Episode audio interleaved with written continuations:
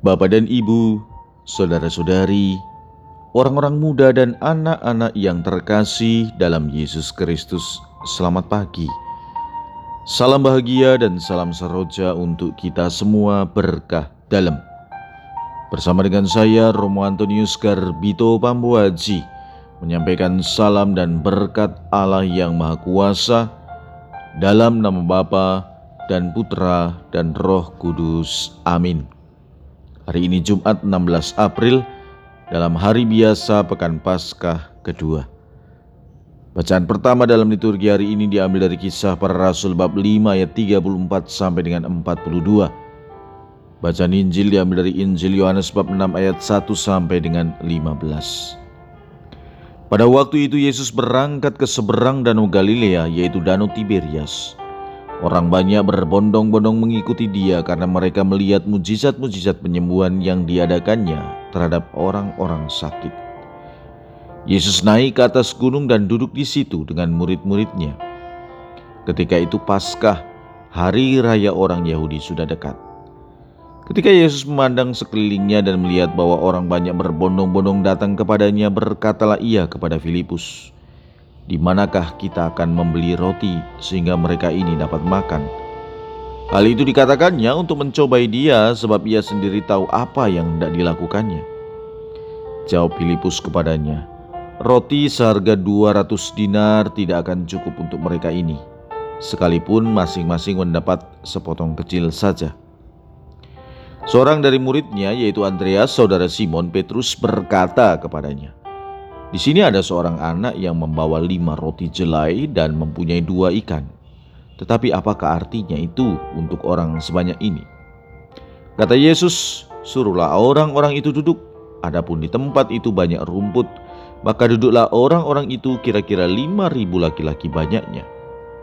Lalu Yesus mengambil roti itu, mengucap syukur, dan membagi-bagikannya kepada mereka yang duduk di situ.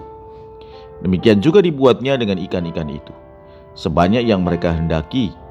Dan setelah mereka kenyang, ia berkata kepada murid-muridnya, "Kumpulkanlah potongan-potongan yang lebih, supaya tidak ada yang terbuang." Maka mereka pun mengumpulkannya dan mengisi dua belas bakul penuh dengan potongan-potongan dari kelima roti jelai yang lebih setelah orang makan. Ketika orang-orang itu melihat mujizat yang telah diadakan Yesus, mereka berkata, dia ini benar-benar nabi yang akan datang ke dalam dunia. Karena Yesus tahu bahwa mereka akan datang dan tidak membawa dia dengan paksa untuk menjadikan raja, ia menyingkir lagi ke gunung seorang diri. Demikianlah sabda Tuhan, terpujilah Kristus. Saudara-saudariku yang dikasih Tuhan, kisah Injil hari ini tentu tidak asing bagi kita penggandaan lima roti dan dua ikan. Bukan hanya digandakan, tetapi lebih. Bahkan dikatakan dalam Injil, sisanya ada dua belas bakul penuh. Dalam sepekan ini kita mendengar Injil yang menceritakan percakapan Yesus dengan Nikodemus tentang kesatuan Allah Tritunggal yang berkarya dalam pribadi Yesus sebagai perwujudan Allah yang Maha Rahim. Dan hari ini dalam Injil ditampilkan kepada kita sosok Yesus yang tampil memukau di depan orang banyak.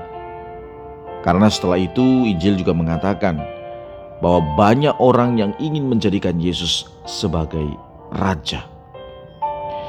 Saudara-saudari yang terkasih, apa yang dibuat oleh Tuhan Yesus pertama-tama bukan untuk mencari ketenaran, tetapi seperti yang dikatakan di awal Injil hari ini, bahwa Yesus ingin agar mereka mendapatkan makanan.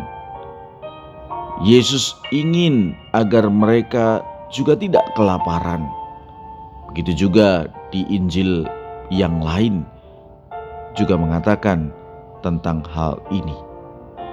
Dan saudara-saudari yang terkasih, pada awalnya Filipus dan Andreas ragu akan kepemilikan lima roti dan dua ikan dari seorang anak.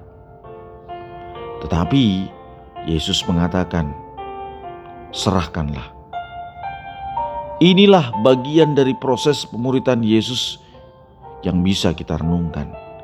Ia menghendaki kita untuk memiliki kepedulian dengan mau berbagi kepada sesama dan berbagai macam cara dan berbagai macam hal atas bentuk apa yang kita miliki harus berani kita membaginya. Dan saudara-saudari yang terkasih, Jelas bahwa sabda Tuhan hari ini mengajarkan kita untuk hal itu. Kita tidak perlu ragu dan bertanya apakah cukup atau tidak untuk kita.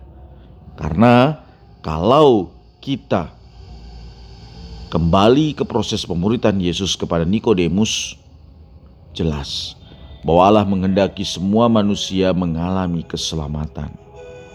Maka percayalah bahwa dengan melibatkan Yesus dalam hidup kita, segala kekurangan kita akan dilengkapinya, dan kita akan dimampukan, bahkan lebih, untuk dapat memberikan perhatian dan kepedulian kepada sesama dengan cara apa pun. Marilah kita berdoa. Ya Tuhan, hari ini kami kembali diingatkan untuk berani memberikan diri kami. Walaupun kami kurang, tetapi kami ingin agar Engkau ikut campur dalam hidup kami, sehingga kami kau mampukan dengan daya kekuatan rohmu, dan akhirnya banyak orang terberkati. Berkat Allah yang Maha Kuasa, dalam nama Bapa dan Putra dan Roh Kudus. Amin.